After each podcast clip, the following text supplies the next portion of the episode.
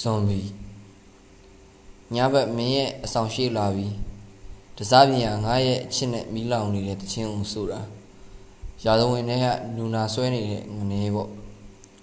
တစားပြင်ကိုကြော်ရင်တော့ငါးသားလေးတွေငါးမေကြီးတွေရေကူးနေတဲ့ငါးပြတိုက်ကိုရောက်တယ်လူတိုင်းကိုချစ်ရတဲ့သူနဲ့နီးချင်တာကြီးပဲဒါပေမဲ့ကူကီးနဲ့ဘီစကစ်အိမ်ဝေးတရိတ်ဆန်တဲ့လူ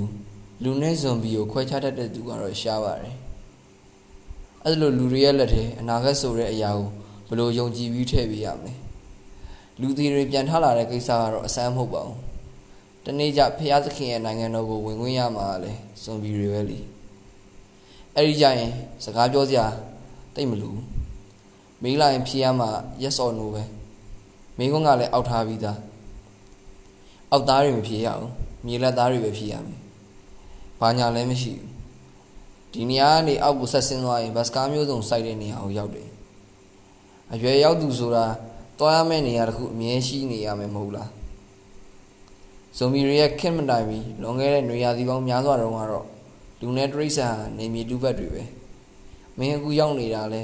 လူတွေဝင်လို့မရတဲ့ကန့်သက်နေမြေတစ်ခုပါ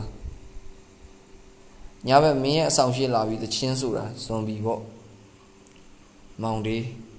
22ရက်ဒီဇင်ဘာ2013